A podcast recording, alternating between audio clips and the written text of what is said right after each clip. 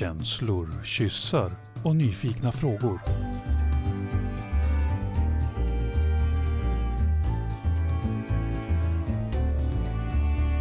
Pollyprat med Minna och Karin.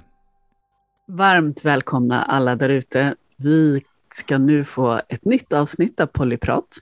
Och vi som sitter här och ska få umgås med er ett tag, det är Minna, Minna som ju är tillbaka från sin långa resa i Spanien och i världen och har landat ner i Stockholm. Ehm, och just jag sitter här, jag sitter på min ö på Gotland. Ehm, ehm, jag är just nu så himla nyfiken på vår gäst som vi ska få. Vi ska få prata Eh, polyresa och mansroll med Martin. Men först Minna, var är, var är du någonstans? Hur är det med dig? Det är bra, det är bra. Jag tycker att det är skönt att hösten har börjat och att luften är svalare och lite grann vardagen liksom betar på. Och jag har en jättestor lust att träffa många nya människor i höst. Och det var länge sedan jag kände så. Och det är jättehärligt. Åh, åh, och, och du gör ju det, eller hur? Du har mm. bara lust i det. Du, mm. Och för mig är det så att jag har, eh, jag har precis haft den där dejten jag pratade om i förra avsnittet. Kommer du ihåg Minna? Vi pratade ju om det. att jag skulle ha en dejt.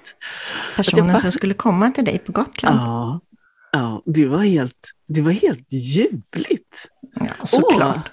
Det kan man väl inte veta när man aldrig har dejtat någon?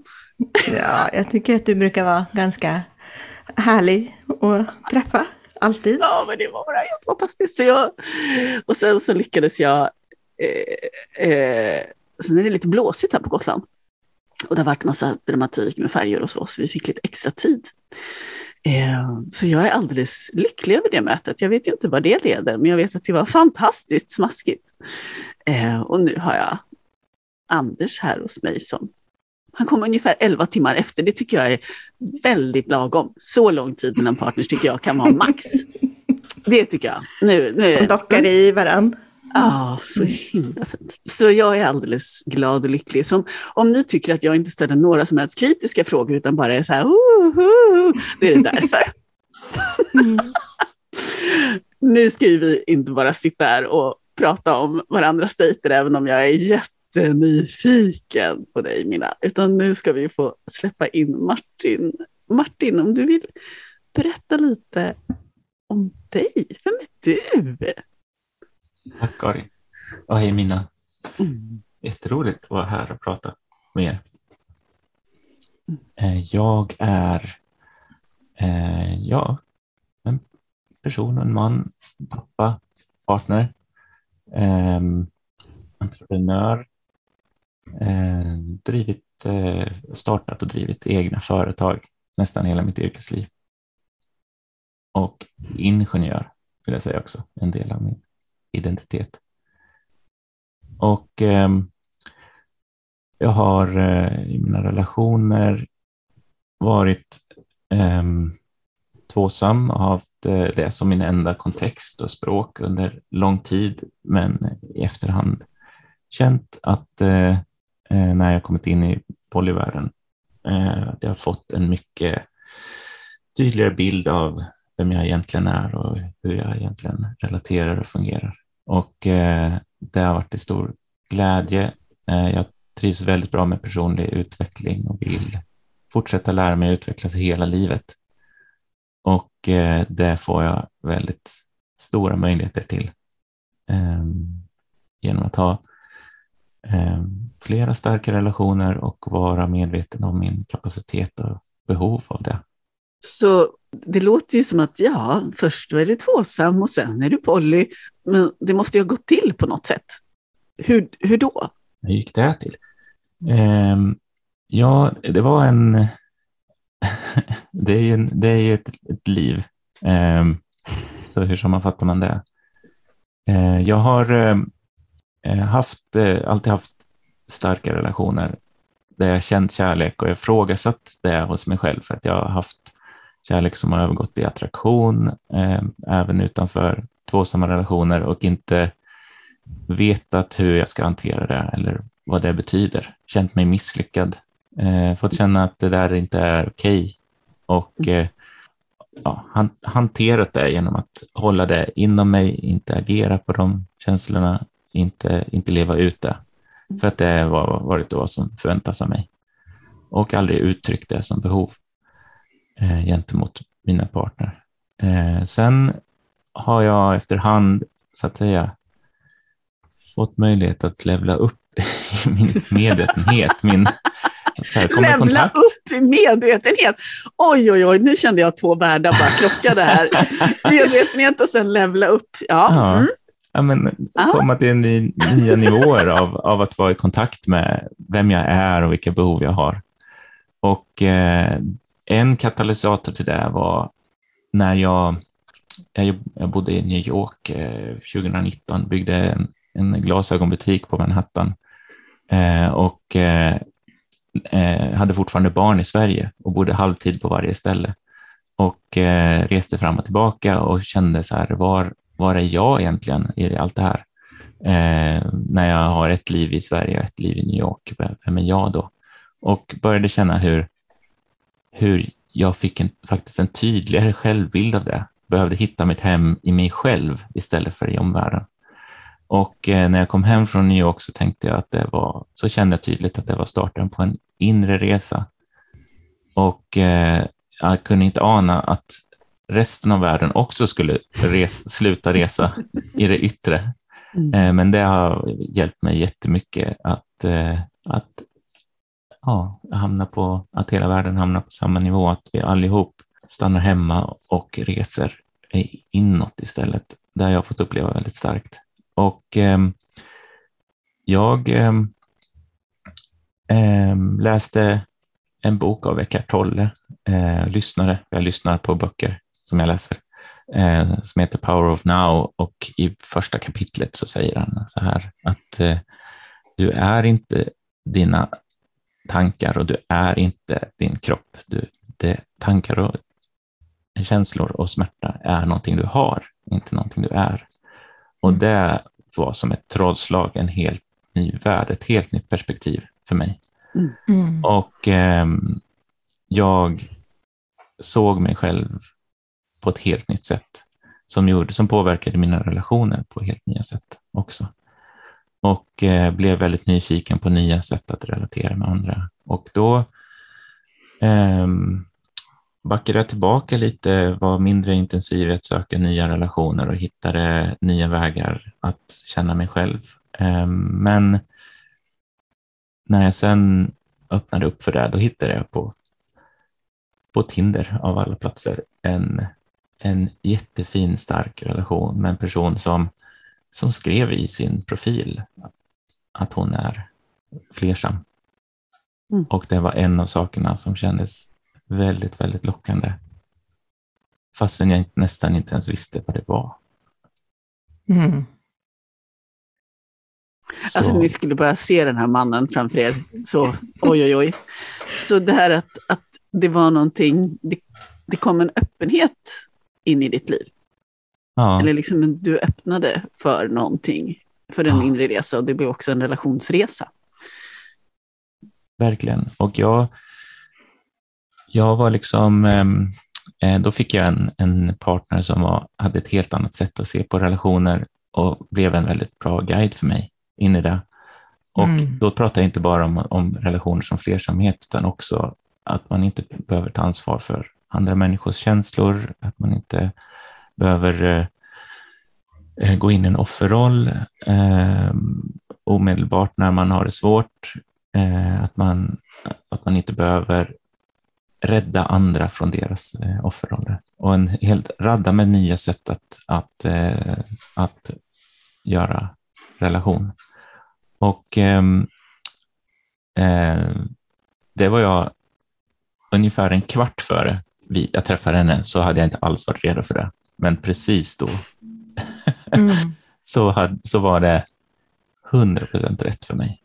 Eh, och eh, det har varit en fantastisk resa som har, som har verkligen gett mig eh, möjlighet att utmana mig själv och om jag då använder det där igen, ytterligare kanske levla upp i min eh, självkännedom och min förmåga att, att ha djupa relationer, genuina möten. Förstår jag det rätt att den här nya partnern hade eh, liksom levt flersamt under en längre tid och re kanske redan gjort den här resan själv? Ja, det stämmer. Hon hade väl eh, ja, flera år varit eh, öppet och medvetet flersam. Medan det för mig var ett nytt språk och en ny kontext och det här, den här härliga upptäckarkänslan av Va, får, får man det här? Får man leva ut det här som jag har stängt in i 20 år eller mer medvetet hållit borta från eh, omvärlden och från mitt eget medvetande därför att det var bara fel, fel, fel, fel. Men det blev också så att er samsyn, den matchade varandra väldigt väl. För jag tänker att ha en öppenhet och ha flera relationer och så här, det kan ju vara väldigt olika hur man gör och vad man tänker kring det och hur det ska vara och sådär. Så men ni matchade också i den synen. Ja, och eh, hon hade redan en partner som hon bodde med.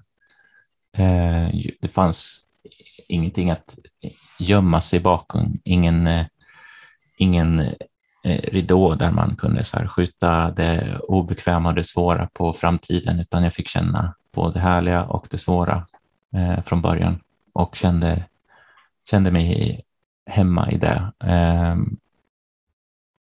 och de, när jag säger svårt, det menar då att man, att jag har eh, sen, sen, ja, sen hela livet växt in i starka mönster av tvåsamhet eftersom jag levt i tvåsamma relationer. Mm. Och um, um, fick dem ifrågasatta och härligt uppluckrade, vilket inte alltid bara är skönt, utan det ibland rycks upp med rötterna. Och, eh, eh, men jag fick då samtidigt eh, möjlighet att, att eh, göra det med, med andrum emellan känslorna och eh, där, där hon tog emot även negativa känslor med öppenhet, med öppet hjärta, gick inte in i försvar eh, och eh, brusar aldrig upp. Och det, bara det är en underbar känsla för mig, för att jag har haft nog av relationer där starka känslor innebär att man måste uttrycka sig med starka röster. Mm. Och får väldigt, väldigt skön... Eh, får vila även i, i stark känsla av eh, ja, ilska eller ledsamhet eller utanförskap eller svartsjuka eller vad som än kommer upp så får det finnas. Kände du de här känslorna med utanförskap och eh, jag tänkte om hon levde ihop med eller hade flera relationer och och så skulle du komma in där och tränga dig in i hennes liv och fanns det verkligen plats? Och... Nej, jag kände inte då, de känslorna. Jag kände så här luddiga moln av eh, mörker som, som eh, kastade sig över mig eller bubblade upp inom mig eller på olika sätt tog över. Och eh, i början så var det väldigt mycket arbete när det hände att och tålamod att, att eh, vänta ut det där, att, att det där molnet skulle eh, liksom ge sig till känna. Eh, och jag, fick, jag lärde mig att ta emot det med kärlek och säga, säga eh, åh, eh, tack fina eh, känslor, liv. Tack, tack kropp för att du vill visa mig den här smärtan om du, vill, om du vill öppna det och berätta vad som ligger bakom den här, det jag känner nu, så ska jag försöka ta emot det med varsamhet och förstå vad du vill säga. Det låter ju som att du hade någon övning i det här innan. Eller var det just det här relationsbyggandet i den här nya kontexten som blev övningen? Det var det som blev övningen. Jag hade, jag hade inga verktyg för det, utan fick utveckla de verktygen. Och eh, ja, men du pratade nämligen precis nyss i inledningen Karin, att 11 timmar var, var lagom mellan partners. Ibland så var det lagom eh, med längre tid för mig. Att det, någon gång när det tog två, tre dagar innan jag träffade min partner så var det användbart för att hade vi träffats efter 11 timmar så hade jag varit i känslor som jag inte hunnit, hade hunnit förstå. Det tog, det tog lång tid för mig ibland att reda ut vad, vad känner jag nu egentligen? Och, ehm, och det hade inte varit någon fara att eh, mötas igen mitt i det, när jag var i det, eh, eh, ett luddigt moln av, av olika känslor. Då hade jag fått hjälp att reda ut det kanske. Men ibland kände jag också att det var skönt det var att det fick tid. Men när du säger, alltså för mig är det ju så att det är lite av ett skämt, för jag skulle helst vilja att alla var precis här hela tiden. Ja, absolut, ja, ja, ja, allihopa. Men, ja, som om det var hundratals, men ja. Men, men när du säger det här, du kunde behöva två, tre dagar, det är ju, det är ju både längre tid förstås, men det är också ganska kort tid om man inte till exempel lever ihop. Eh, så det är ändå, det, det jag hör är att du ändå beskriver någon ganska intensiv relation som du började med den här ja. polymänniskan. Stämmer det? För annars kan det ju vara så här två, tre veckor, en månad. Alltså, mm. ja. Nej, men vi har både, båda barn varannan vecka och började i princip från början umgås eh, väldigt intensivt de veckorna vi inte hade barn. Mm. Ja, så så var det var liksom en, en crash course i många saker här hör jag, eller en intensivkurs. Ja, precis. Så, så om vi, får vi, kan jag få hoppa lite? Och bara, det här var 2019 säger du? Det, var, det här var 2020 efter att jag kommit hem. Ja. Mm. Så var är du nu då? Liksom? För det, det, är ganska häftigt, jag får någon slags bild av att du gör saker lite fortare än många andra. Ja, eh, jag vill jättegärna berätta om det. Men det blir faktiskt bättre om jag får berätta vad som var steget däremellan. Ja, För då, är det, det blir en jättebra kontext till var jag är nu. Att eh, när, jag, när jag fick den här crashkursen, som du säger, i eh, flersamhet, i att relatera friare och öppnare och samtidigt vara i kontakt med mina känslor och lära mig eh, förstå vad det är jag känner och dra isär känslor till de komponenterna som finns, som kan vara ilska eller rädsla eller ledsamhet. Eh, så då växte ju ett självförtroende in i mig eh, som jag efter, efter, först, liksom efter första året fick testat på riktigt. Jag, jag spenderade första året med ganska mycket så här smekmånadskänsla eh, mm. och fick massor med härliga upplevelser och glädje och tyckte att det här, det här kan jag, nu klarar jag av det här. Mm. Och, eh, men eh, och efter ett år så ledde det mig in i att, att eh, faktiskt gå över eh, mina gränser ganska kraftigt. Att, eh, att acceptera och upp, uppmuntra eh, eh, relaterande som, som, som var gränsöverskridande för mig. Där jag hade ehm, där jag inte tog vara på och såg min egen del eh, när jag hade en, en meta som jag hade, kände en stark konfliktsituation med. Så den specifika situationen var att jag då inte tog tag i den konflikten och såg mitt eget behov av att reda ut det, utan eh, ja, men uppmuntrade den partnern som det, som det rörde sig om att, att ha intimitet med, med min meta. Och eh, hon hade en oro till det eh, som jag lugnade och sa att det är ingen fara. Och eh, när det väl, eh, när det var, väl hände så, så kom det upp väldigt, väldigt starka känslor av övergivenhet och utanförskap i mig. Och jag fick en, en väldigt stark ilska som, som, är, som var på ett sätt var fantastisk att vara i kontakt med för att jag har aldrig, nästan aldrig tillåtit mig själv att vara arg. Och jag förstod inte, vad är det som händer? Varför är jag så arg? Och eh, utsåg min partner till förövare, var väldigt, väldigt stark i en offerroll och blev fullkomligt överrumplad. Mm. Var, hur, jag som har, eh, inom citattecken, lärt mig så mycket. vad är det som händer nu? Varför känner jag mig att jag förlorar all kontroll i den här situationen? När jag har skapat så mycket trygghet och känt, känt att jag har gått igenom så mycket eh, som jag har lärt mig av. Hur kan jag fortfarande vara helt utan kontroll i... Eh, men jag hamnade liksom i en känsla av, kan nästan beskrivas som dödsångest, att mitt liv var utsatt för fara. Så då fick jag liksom gå in och skaffa mycket mer verktyg. Och det jag så, kan vara så tacksam nu ett år senare eh, att, för att jag eh, fick den här utmaningen. Eh, för att jag, det, har, det har gett mig jättemycket verktyg. Det var då jag sökte mig till, till en, eh, en manskurs som jag kände kunde skaffa mig trygghet. Jag gick i terapi för eh, Tanja Suvihina som är en fantastisk eh, psykolog och eh, terapeut eh, som jag tror flera i polyvärlden har, har träffat när det har behövts.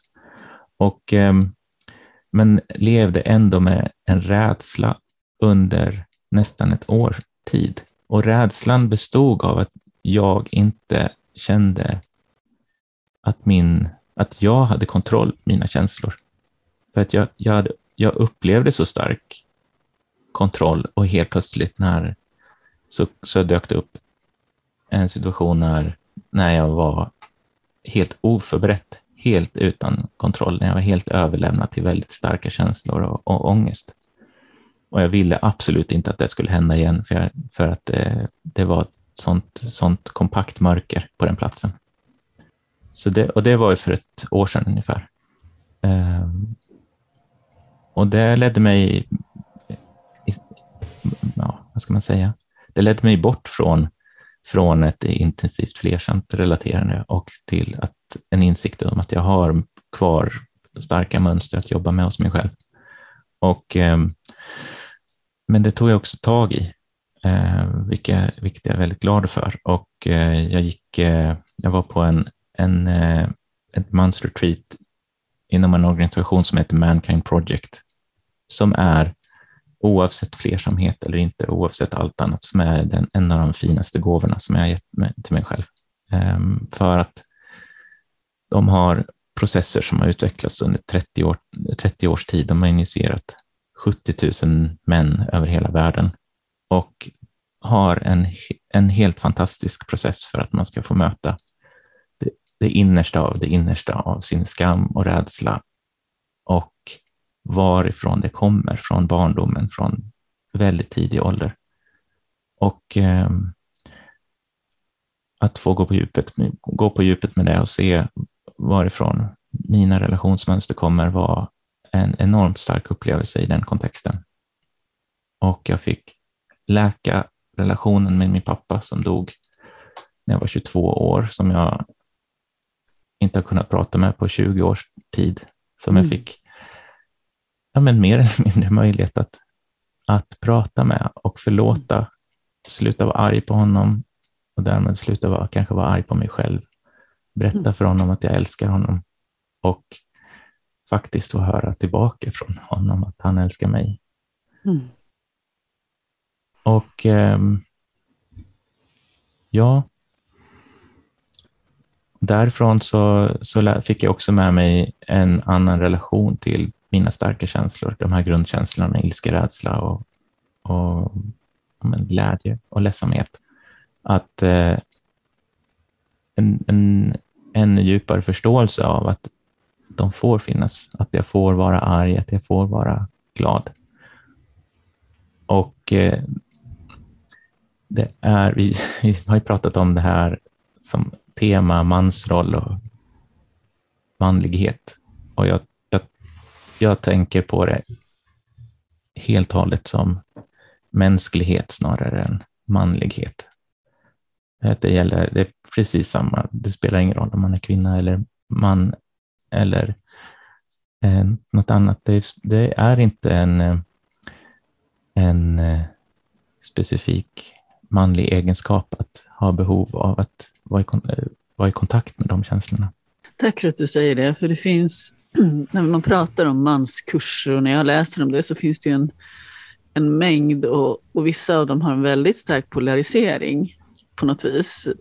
Där jag upplever att det, det finns en, um, ja, kanske någonting av, av motsatsen till det du säger, att vi skulle ha lite, lite grann olika behov, eh, vi olika människor beroende på våra biologiskt eh, upplevda, liksom, biologiska kön eller vad vi, vad vi har fått för kön på något sätt tilldelat vid födseln. Och, och jag tror du någonting jätte, alltså, det är så grundläggande saker i att vara mm. människa snarare än kön. Sen finns det andra delar, det finns konditionering och vad samhället berättar för oss. Och det, har ju du, det är ju en del av din resa förstås. Mm. Alltså. Jag tänker, det var ju ändå en manskurs. Ja. Fanns, det var, fanns det någonting, det här värdet i att samlas just bara män? Ja. Ehm, och vad, vad var det som var speciellt med det?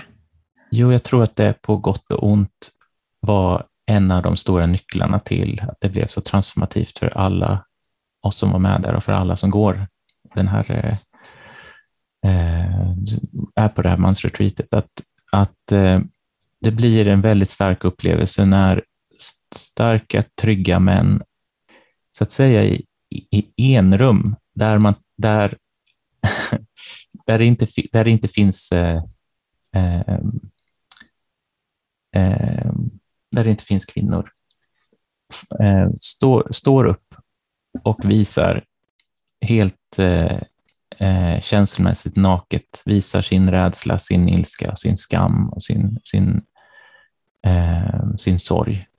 Eh, därför att om det, om, det, ehm, om det i den situationen var kvinnor med, så skulle jag som, som man som inte är fullständigt trygg i min manlighet kunna tänka att nu visar den här mannen sina känslor för kvinnans skull.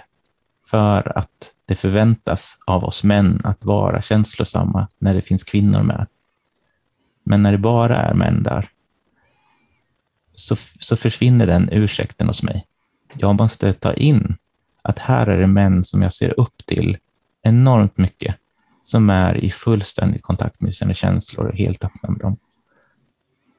Och det finns inget att gömma sig bakom då. Det finns inget, ingen, ingen känsla av att det är ett spel utan det blir 100 procent naket och utlämnande. Hittar du tillbaka till liksom det här flersamma efter det? För jag upplevde att du behövde backa lite från det. Var det så? Ja, det, det stämmer. Och eh, det gjorde jag. Eh, men det tog tid för jag behövde inte bara insikterna, inte bara eh, ramverket, att så här så här kan man tänka eller så här vill jag vara. Jag vill vara, jag vill möta varje stund med mina genuina känslor, utan det krävde tid att göra det för mm. att lära mig själv att vara i, den, i det ramverket, att, att, att leva där för att komma tillbaka till en plats där den här rädslan inte längre fanns.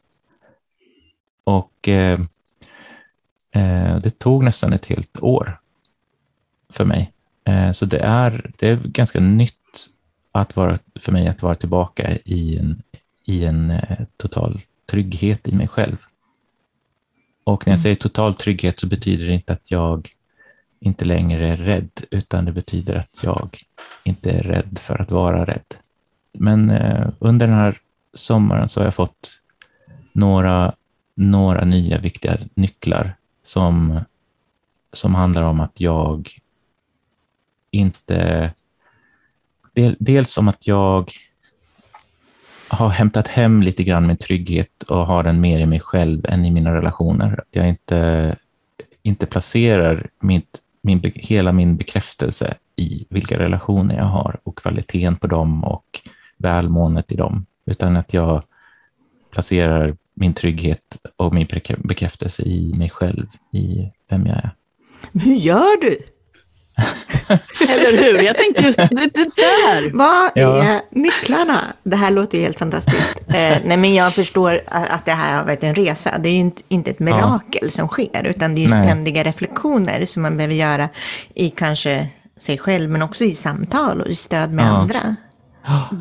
Jo, men så här, jag, jag vet precis hur man gör.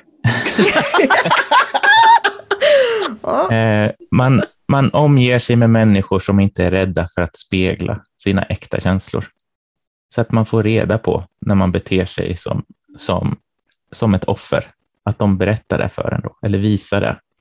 Och när man gör människor ledsna, så att de inte är rädda för att visa att de är ledsna, eller arga, eller rädda, eller glada.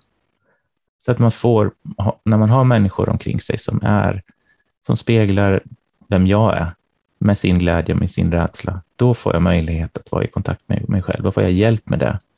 För att, för att sen till slut kunna, gör, så att säga, göra det på egen hand. Att, att själv börja se eh, vem jag är och vad, vad jag gör i mina relationer. Herregud, det var väl det bästa svaret någonsin, eller hur Minna? Ja, ja vad hittar du de här människorna då? Kan, ni, Jo, kan vi få är dejta ju- dem också?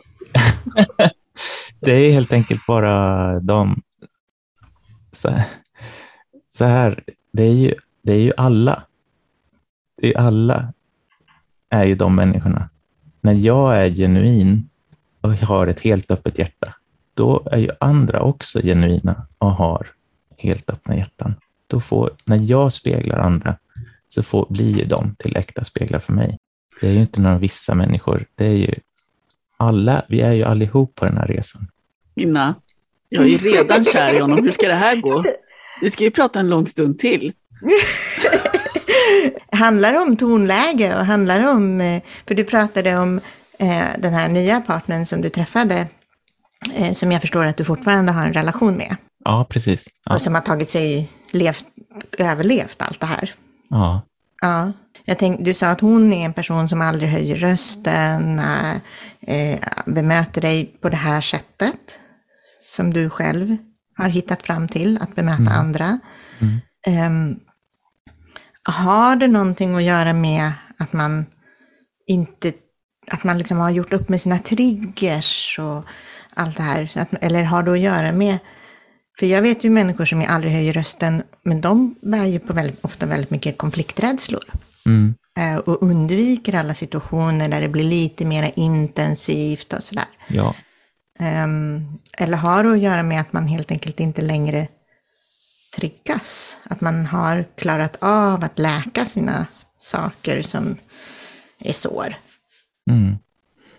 Jag, jag tror att det här med att inte höja rösten i starka känslor egentligen inte är en nyckel som är generellt, utan det är väldigt subjektivt för mig att jag har ett behov av att, av att få vila, för att jag blir övermannad av andras starka känslor. Jag tar in för mycket. När någon är högljudd med sina känslor, då tappar jag bort helt och hållet mig själv.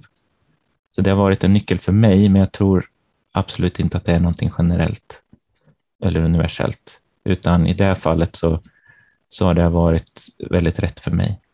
Eh, och att vara i kontakt med sina känslor innebär nog för väldigt många att de kommer ut ganska högljutt. Och det är absolut inget fel, jag vill inte nedvärdera det, utan det är väldigt baserat på mina egna relationsmönster och mitt eget sätt att hantera det som jag har haft det som behov. Mm. Ut- Och eh, andra människor får gapa och skrika hur mycket de vill, bara helst kanske inte i min riktning. Eh, för att det är, svår, det, är, det är någonting som jag fortfarande har svårt för. Men är det så nu när du liksom eh, ja, men, rör dig och umgås, är det vissa människor som efter den här processen som du inte är, som liksom du har lämnat bakom dig, som det, nej det där var inte hållbara vänskaper och nu så liksom ja, eh, attraherar du andra typer av människor. Har, har det skett en sån process också? Jo, men det har det. Jag, vill, jag är en, en person som är, jag tror att jag är den här lite konflikträdda personen, eller har varit det. Jag vill vara vän med alla. Eh, Mm. jag, vill, jag vill kunna känna kärlek till alla och det skaver väldigt mycket i mig att när en relation inte är, är bra med andra människor. Men det är, också, det är ju för att jag har haft min tyngdpunkt utanför mig själv. Jag har varit så, i så st- starkt behov att att bekräftas av mina relationer. Att det um, så det har ju varit en del av det här att, att kunna säga ärligt att den här relationen behöver inte betyda allt för mig. Den här vänskapen som har varit stark, den behöver inte vara stark längre. Jag kan, ha, jag kan utvecklas åt, åt båda hållen i mina relationer. De kan bli starkare och mer betydelsefulla och de kan bli mindre betydelsefulla för mig. Och att lita på det är en stor del av min, min, eh, den grundtryggheten som jag har idag. Hur definierar du dig som så här poly eller har du någon så här, när det gäller relationen, liksom, hur, hur skulle du beskriva din, dig som en relationsmänniska nu, idag, efter den här resan? Jag beskriver mig som flersam eh, och eh, det beror på att poly som begrepp för mig, jag, jag har relaterat mellan poly och RA, eller eh, för, försökt förhålla mig, så här, hitta min identitet väldigt mycket mellan poly och RA. Där, om jag får beskriva helt och hållet subjektivt, inga universella sanningar, men för mig så är en stor skillnad i hur man, hur man tänker på relationer som hierarkier. Och eh, eh, där jag vill förhålla mig till relationer som Eh, enligt relationsanarkism på det sättet att jag inte värderar relationer högre därför att de innehåller en, en komponent av intimitet till exempel, eller för att man spenderar mycket tid tillsammans, utan att kärlek är på något sätt oändlig. Eh, även om jag känner, har en, en eh, till ytan vänskaplig relation så, kan, så är kärleken oändligt mycket värd i den relationen. Eh, om, om en relation är sexuell så innebär inte det att den behöver vara mycket viktigare helt plötsligt. Och eh, jag har fått, fått en, en, tack vare det, en ny möjlighet att gå in mycket djupare i min kärlek till, till människor som lever i eh, kanske tvåsamma relationer och eh, uppleva hur härligt det är med eh, ja, även en, en vänskaplig kärlek. Och eh, poly som begrepp eh, handlar mer om, eh, för, för mig, om eh, att vara medveten om vilka konstellationer man är i och, och sätta förväntningar på att nu är, det, nu är vi tre som är en konstellation och vi, det, det bygger på överenskommelser som vi har mellan varandra. Och jag vill vara mycket mer i, i flöde och i nuet och, eh, och känna, hur, känna att mina relationer växer fram från det som är istället för det som man bestämde från för, för, ett, för ett tag sedan eller, eller när man, man var på en, annan, på en annan plats kanske. Och eh, samtidigt så har jag inte så, så har jag hittat saker i RA som, som eh, eh, jag inte heller kan känna att jag kan stå för. Eh, stött på RA-människor som, som för mig tar relationsanarkism till en alldeles för stor extrem och inte in, i min mening ta hänsyn till, till andra människors, människors relationer. Och eh, jag tycker inte att man ska ta ansvar för andra människors eh, känslor och, och, säga att det, jag, jag, måste, jag måste försaka mig själv för att andra ska må bra. Eh, jag har varit där i, i relationer tidigare, där jag satt andras välmående framför mig själv och det har varit en, en fantastisk frihet att känna att jag inte behöver göra det längre. Men att gå därifrån till att, att säga att eh, jag inte överhuvudtaget tar hänsyn till andra människors välmående eller relationer. Eh, vilket det, det är det få människor som gör, men jag har eh, upplevt hur relationsanarkism används som, som ursäkt för att, för att eh, visa mindre hänsyn än jag vill göra. Så därför så har jag hittat flersamhet som min identitet, för att det är ett lite luddigare begrepp som, som hämtar, där jag kan hämta russinen ur kakan från poly och RA mm. och känna att jag är flersam. Jag har också använt flersam mycket för att det, det kräver att jag behöver formulera mig eh, lite tydligare när jag får frågan, vad gör du då? Hur gör du? Hur, hur, hur upplever du liksom efter, efter allt det här och där du är nu, att det är att relatera liksom i en huvudsak väldigt, kan man säga, monogam värld ändå. Jag menar, alla, så många runt omkring oss och allting som är eh, har ju väldigt mycket fördomar och normer och allt det här som man bär med sig. Och så har du gjort den här resan och så står du plötsligt på en helt ny plats och har massa nya insikter. Men världen runt omkring dig har ju inte förändrats särskilt mycket. Kan inte du uppleva det som en utmaning ibland? Jo, um, det är det, men jag har också fått nya ögon på hur, hur människor relaterar i monogama relationer. Och det är inte så instängt och inrutat som, som man vill ge sken av. Mm. Det finns ett jättefint spel som jag ser nu mellan människor som har tvåsamma relationer, som, där man, man provar sig fram på jättefina sätt. Hur nära kan vi komma varandra inom de eh, överenskommelser som vi har i, i våra tvåsamma relationer? Och på vilket sätt kan vi umgås och vi uttrycka kärlek till varandra utan att eh, tvåsamheten störs. Och eh, sen kan jag tycka, då kan jag lägga på en värdering och säga så här, åh men vad fint det vore om ni också insåg att flersamhet är grejen och, eh, och kan leva ut det här, det här starka behoven som ni uttrycker mot varandra nu. Eh, och, och, och, bara vara fria i att, att låta kärleken flöda istället för att behöva varsamt känna sig fram. Ehm, men jag vill verkligen inte lägga min, mina, sätta mina glasögon på andra, utan istället se vad, använda, använda mina lärdomar till att se att andra människor faktiskt också har väldigt fina sätt att uttrycka kärlek till många människor.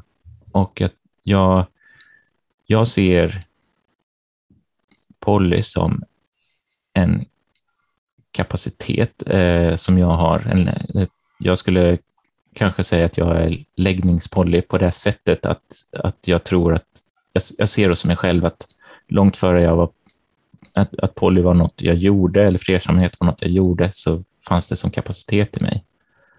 Men jag, jag är inte läggningspoly på det sättet att jag faktiskt skriver under på att jag tror att alla människor har den kapaciteten i grunden. Mm. Jag tycker det är en väldigt viktig sak att komma ihåg, det här att, att uh, den Eh, den relationsform som är rätt för mig är inte rätt för alla och kanske inte ens rätt för alla de som jag vill, skulle vilja dela mitt sätt att relatera med. Jag, ty jag tycker det är så fint när du väcker den här tanken om att det, det, det finns så, så, stora variationer i hur vi gör relationer, punkt. Eh, en av de sakerna som är som har varit en av de sakerna som jag har velat lyfta mycket har att göra med just eh, när toxisk monogami sätter gränser för vänskap. Det är en av de här sakerna som jag ändå vill lyfta och prata och fråga om. Eh, och särskilt eh, vänskap som då upplevs att vara över någon slags könsgränser. Alltså det finns någon slags bild av att men, väninnor, alltså kvinnor kan man nära varandra, bla bla bla. Och sen om en kvinna har en väldigt nära någon som definieras som kvinna har en väldigt nära definition med någon som definieras som man, så kan det plötsligt finnas i vissa eh, relationer och i, viss, i vissa samtal så kan det finnas en jättebegränsning för hur den vänskapen får se ut. Då. Och det, det tycker jag tangerar en del av vad du pratar om. Det här, vad, men vad kan vår vänskap innehålla och vilka känslor får man Eh, får man hålla handen, får man pussa på någon, får man sova med någon, får man titta på film och äta popcorn, får man gråta, får man... Alltså, det finns ju hur mycket som helst som, där vi plötsligt kan ha någon slags relationsglasögon på när vi tittar på vänskaper. Så, så du har helt rätt, det är ju massor, såklart massor av tvåsamma relationer som inte skriver under på en hel så här, på massa begränsningar i hur vi gör. Det kanske är så att, att leva ut specifik sexualitet är det enda stoppet i många relationer. Eh, men sensualitet eller känslor eller att faktiskt vara sexuellt attraherad av någon jättemycket, det är, inte, det är helt okej. Eh, och, och sen förstås alla andra variationer på att det är okej att ha sex men inte ha känslor. Ja, det finns ju så många olika grader. Liksom. Men då, då, då kliver vi ändå in lite i under flersamhetsparaplyet. Så tack för den så här påminnelsen. Eh, Tack Karin, jag tycker att du beskriver det väldigt eh, nyanserat också. Det är en, i, min, I min värld så är ju alltså de här att ta på sig könsglasögonen och titta på skulle, hur skulle jag uppleva det här om det var en transperson, hur skulle jag uppleva det här om det var en icke-binär person, om det här är en man eller en kvinna. Det är, eller någonting däremellan. Det är ofta väldigt ögonöppnande. Och det går tillbaka till vad vi pratade om tidigare i vårt samtal. Att i grunden så kan vi ju, en av mina övertygelser är att vi kan relatera till människor på väldigt många olika sätt. Och de är absolut, de, många av de sätten är inte bundna av köns eller könstillhörighet överhuvudtaget. Eh, eller relationsöverenskommelser och former. Liksom. Och det är en väldigt befriande tanke, tycker jag. Mm. Jag tänker att det tangerar också det här med, med vänskap, Minna. Alltså, vänskap är ett fantastiskt begrepp, men om vi börjar skrapa på det så är det jättebrett. Alltså det finns verkligen mm. en sån variation i det begreppet, vad vi kallar vänskap. Mm, absolut. Jag känner ju att jag har gjort den här resan som Martin pratar om med att, att eh, kanske tidigare ägnat mig ganska mycket åt att upprätthålla vänskaper för att vi är ju vänner. Eh, till att eh, mm, låta det vara mer dynamiskt om, beroende på ah, att jag behöver inte plisa eller se till att vänskap på något sätt upprätthålls om den inte är hälsosam, eh, vilket jag har gjort jättemycket tidigare. Det, det kan jag känna igen mig i, Martin, att det har, att hela den här idén om att vara flersam och öppen i sin kärlek har hjälpt mig att, att vara mer öppen och, och på det sättet också, ja men då blir det ju förändringar. Vänskap är ju också en relation som man ja, men behöver ta hand om på något sätt. Och hur den flyter och in i kärlek eller kanske sex plötsligt eller inte, det vet vi ju inte. Nu känner jag att det är, eh, anknyter väldigt starkt till eh, min, ehm, hur, jag tycker att det här eh, förhåller sig till min heterosexualitet som i och med min flersamhet får, vara, får ha mycket friare ramar. Jag, samtidigt som jag har, hållits, jag har hållit mig själv i en tvåsamhet så har jag hållit mig själv i en heterosexualitet. Och eh, genom att vara flersam så får jag också utrymme att eh, utforska en, en, ny sexuell identitet där, eh, så, där finns en helt, helt eh, nya fantastiska vägar att relatera med, med andra män eller icke-binära på nya sätt som är nya för mig.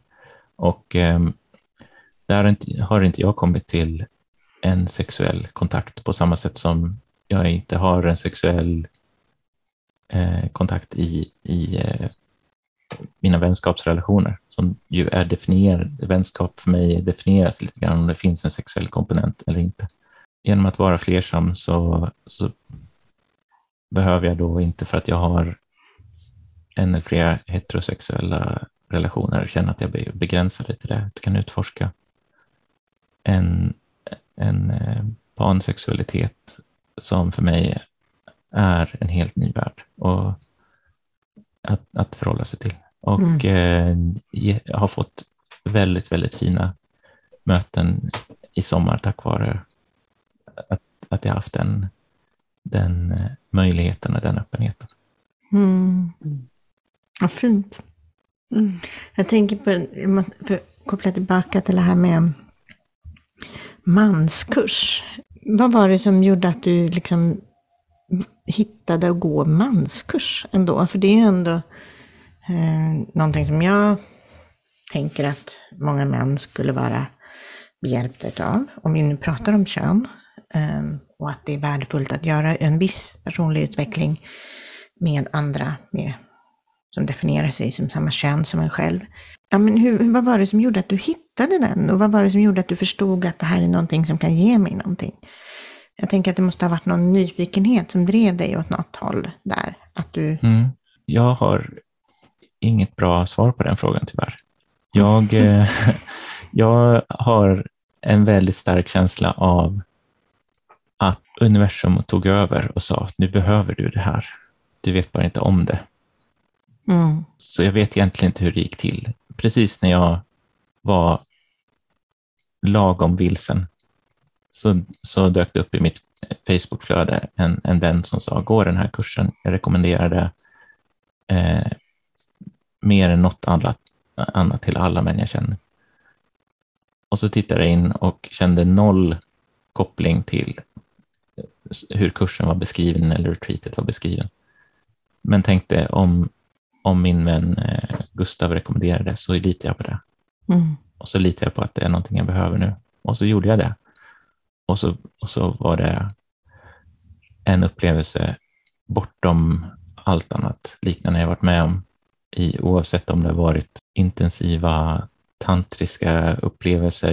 Det har tidigare gått en kurs i tantramassage som var för mig som, som ingenjör var en enorm ögonöppnare. Eh, Ja, jag kan bara tänka mig. och eh, jag har fått synliggjort hur, hur energier existerar inom min, min kropp och mellan, mellan människor på ett, ett sätt som är helt, helt oförklarat av vetenskapen. Men väldigt påtagligt. Men väldigt påtagligt. Ja, och jag har gjort så här schamanska trumresor. Och eh, inget annat jag har varit med om kommer ens i närheten av, av den djupa transformativa upplevelsen som jag fick på, på det här mansretreatet. Och det var jag helt oförberedd på, förberedd på. Men jag, jag eh, var också helt redo att ta emot det. Mm.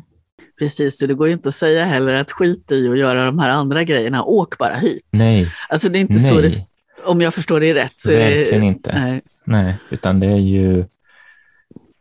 Eh, ja, man, man får ju nycklar i, i alla eh, möjliga sammanhang. Det handlar inte om vem som är avsändare eller vad som är kontexten, utan det handlar om vad man själv har för kapacitet att ta emot det. Jag tänker nu är du, efter den här processen som, är, som du har berättat och vi har fått ta del av som är som supertransformativ och modig, hör jag. Jag hör ju att det, för mig så låter det väldigt modigt. Så har, är du på en ny plats och öppen igen för att liksom leva mera flersamt och men att det är ganska nytt. Har du någon idé om hur du vill, vad du skulle vilja utvecklas i framöver? Vad du känner att här vill jag växa, det här vill jag göra mer utav, det här längtar jag efter nu. Ja, jag känner väldigt tydligt vad jag har för behov. Jag har, jag har fått möjlighet att utvecklas väldigt starkt de senaste två åren i hur jag relaterar med andra och hur jag ser på mig själv, vart, vart jag har min trygghet. Och det som inte 100% hänger med är att få saker gjorda. att, ha, att, ha, att ha ordning omkring mig och investera tid i det jag vill investera, vilket har mycket mer att göra med skapande än vad jag ger uttryck, uttryck för. Jag vill snickra mer och skulptera och måla och hålla fint. Och det är en, en helt annan värld än det vi har pratat om hittills. Men jag vill verkligen eh, allt, allt relaterande åt sidan så vill jag ge mycket mer utrymme åt att eh, jobba med händerna och, eh, och ha, ha en glädje i det. Eh, så att eh, det, det är en, en helt annan dimension av Mm. livet som jag vill investera i nu. Efter att ha varit ingenjör och suttit bakom skärm i många år. Kanske. Ja. Ja. Ja, precis. Men jag tänker att de här resorna hänger ihop. Jag man- tror också det, definitivt. Och eh, behovet är liksom inte nytt, men att ta tag i det Eh, har, har jag skjutit framför mig. Och eh, samtidigt så har jag en, en ny öppenhet för nya relationer som jag gärna utforskar också. Och där tror jag att jag kommer få nya erfarenheter och nya lärdomar. Jag tror relationer finns till för, i grunden för att eh, vi ska utvecklas som individer att spegla oss i varandra. Mm. Och eh, att jag inte har fullständig koll på vad mitt nästa steg i min personliga utveckling är, är helt naturligt. Det har jag aldrig haft hittills, Mm. utan det har ju bara hänt. Mm. Utan det jag vill är ju att exponera mig för möjligheten att komma ut och, och, och träffa, träffa mig själv. Mm. Och om du skulle titta på just relationerna då, hur ser det ut för dig just nu? Jo, jag har haft en lång period att uppleva att det är svårt som flersam att hitta eh, relationer, som fler, särskilt kanske som flersam man. Och eh, samtidigt så har jag kanske inte varit helt redo för det. Jag har behövt göra den här resan. Nu visar det sig att, att eh, det, är inte, det är inte så svårt. Eller, och det, det, jag säger inte det som att det visar sig nu att det aldrig har varit svårt. Utan just nu, augusti 2022, så är det, så tittar folk fram ur, både ur tvåsamhet och ur sina polyrelationer, kanske vill bygga någonting nytt, tycker jag det känns som. Eh, därför att jag får eh, ganska fina möten just nu med, eh, med människor som har en öppenhet både för att träffa mig och för att eh, göra flersamma relationer till, till eh, en, ja, någonting, någonting de vill ha i sina liv. Och eh, jag har fått, eh, även fått mycket tydligare ingångar i polyvärlden som, jag, som har varit där, eh, men som jag inte har utnyttjat. Jag var på en jätte, jättefin liten polyfika i Finspång när det var Finspång Pride och eh, träffade jättefina människor som har gett nya, nya bekantskaper som har gett ringar på vattnet. Mm, spännande. Eh, jag åkte på en, en, eh, ett kaddelparty i Stockholm för ett par veckor sedan som, som var också bara fem, sex personer, men som omedelbart gav jättefin känsla av närhet till, till andra. Men så ser, så ser mitt datingliv ut. Jag går inte på några dejter som kallas för dejter, eh, men jag får möjlighet att träffa människor som sen vill träffa mig igen och som jag vill träffa igen och då gör jag det. Mm. Jag tänkte, när vi har pratat nu genom den här, det här samtalet så tänker jag att det är en sak som har, för mig har varit lite, som jag blir lite nyfiken på. Eh, och det handlar om hur din, hur din relation till sexualitet ser ut. Får jag fråga det? Mm. Och jag... jag vill fråga så här, vad menar du? Ja, visst är det en bra fråga. Jo, när vi har pratat nu så har vi pratat mycket om kvaliteten i relationer och möten. Ja. Och det jag undrar över är den här, din kropp och din sexualitet och din lust och din, har det förändrats under de här polyåren? Mm. Ett av mina främsta kärleksspråk är, är beröring. Blir väldigt bekräftad och, och känner kärlek genom beröring. Och det kommer också igenom i min sexualitet. Att jag har ett, ett behov av att vara, vara nära och eh, tycker väldigt mycket om det. Vill leva ut mina, mina sexuella önskemål och, och lära mig efterhand att, att be om det i de relationerna. Och då få reda på om det, om det finns utrymme för det eller inte.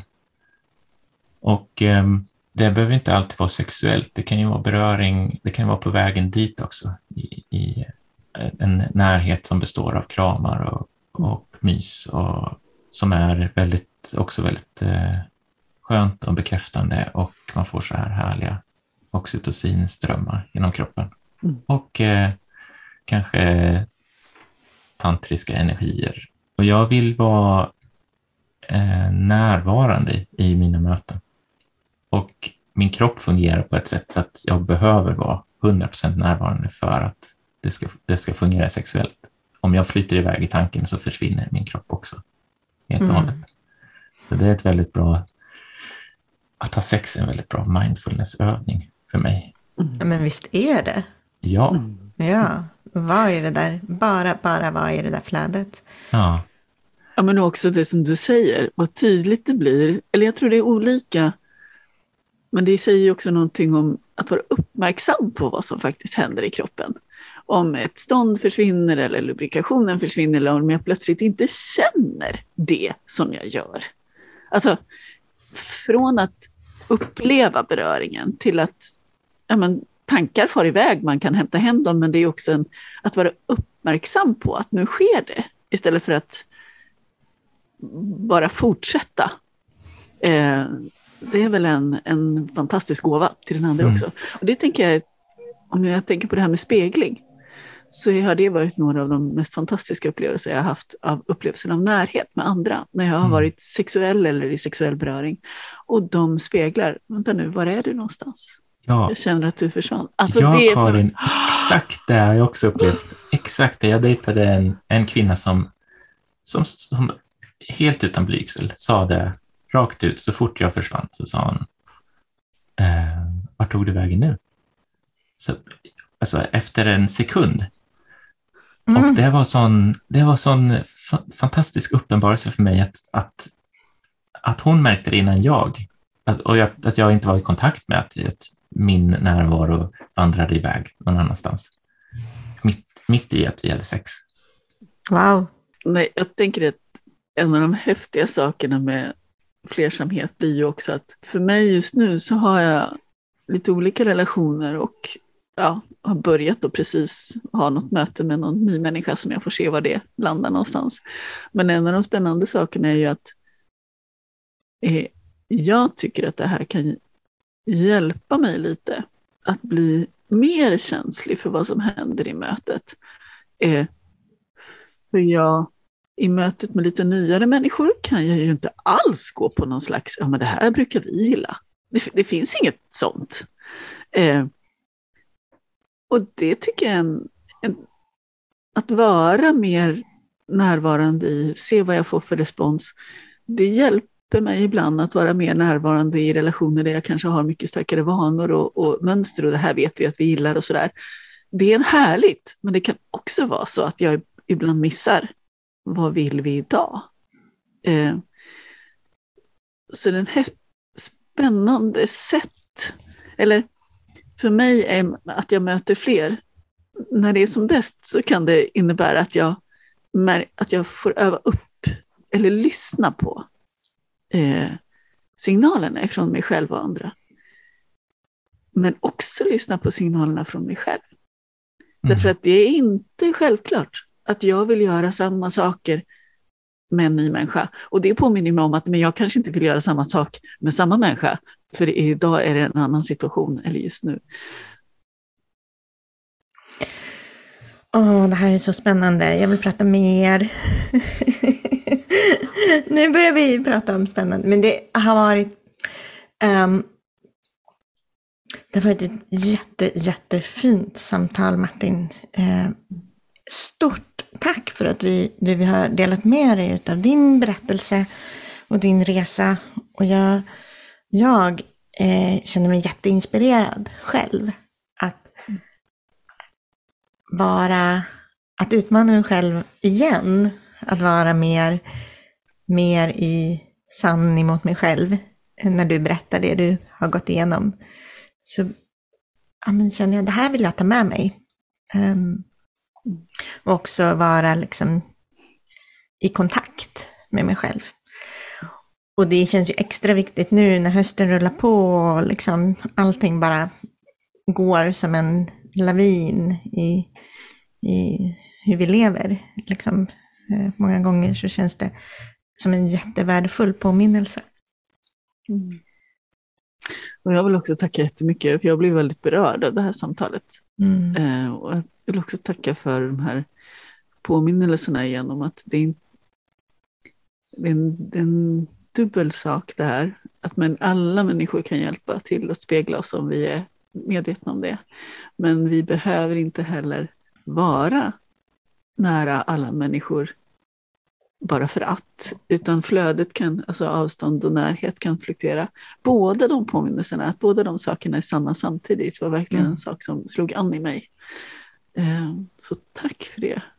Martin, vad fantastiskt. Är det någonting mer du skulle vilja skicka ut när du nu sitter här och har, har eh, alla våra Man- lyssnare. Ja, här. Först och främst vill jag också tacka. Tack Karin och tack Minna för det här samtalet. Det var jättefina frågor och jättefint utrymme att få berätta om mig. Och att få, få känna in vilka, vilka ni är och vad ni står för också.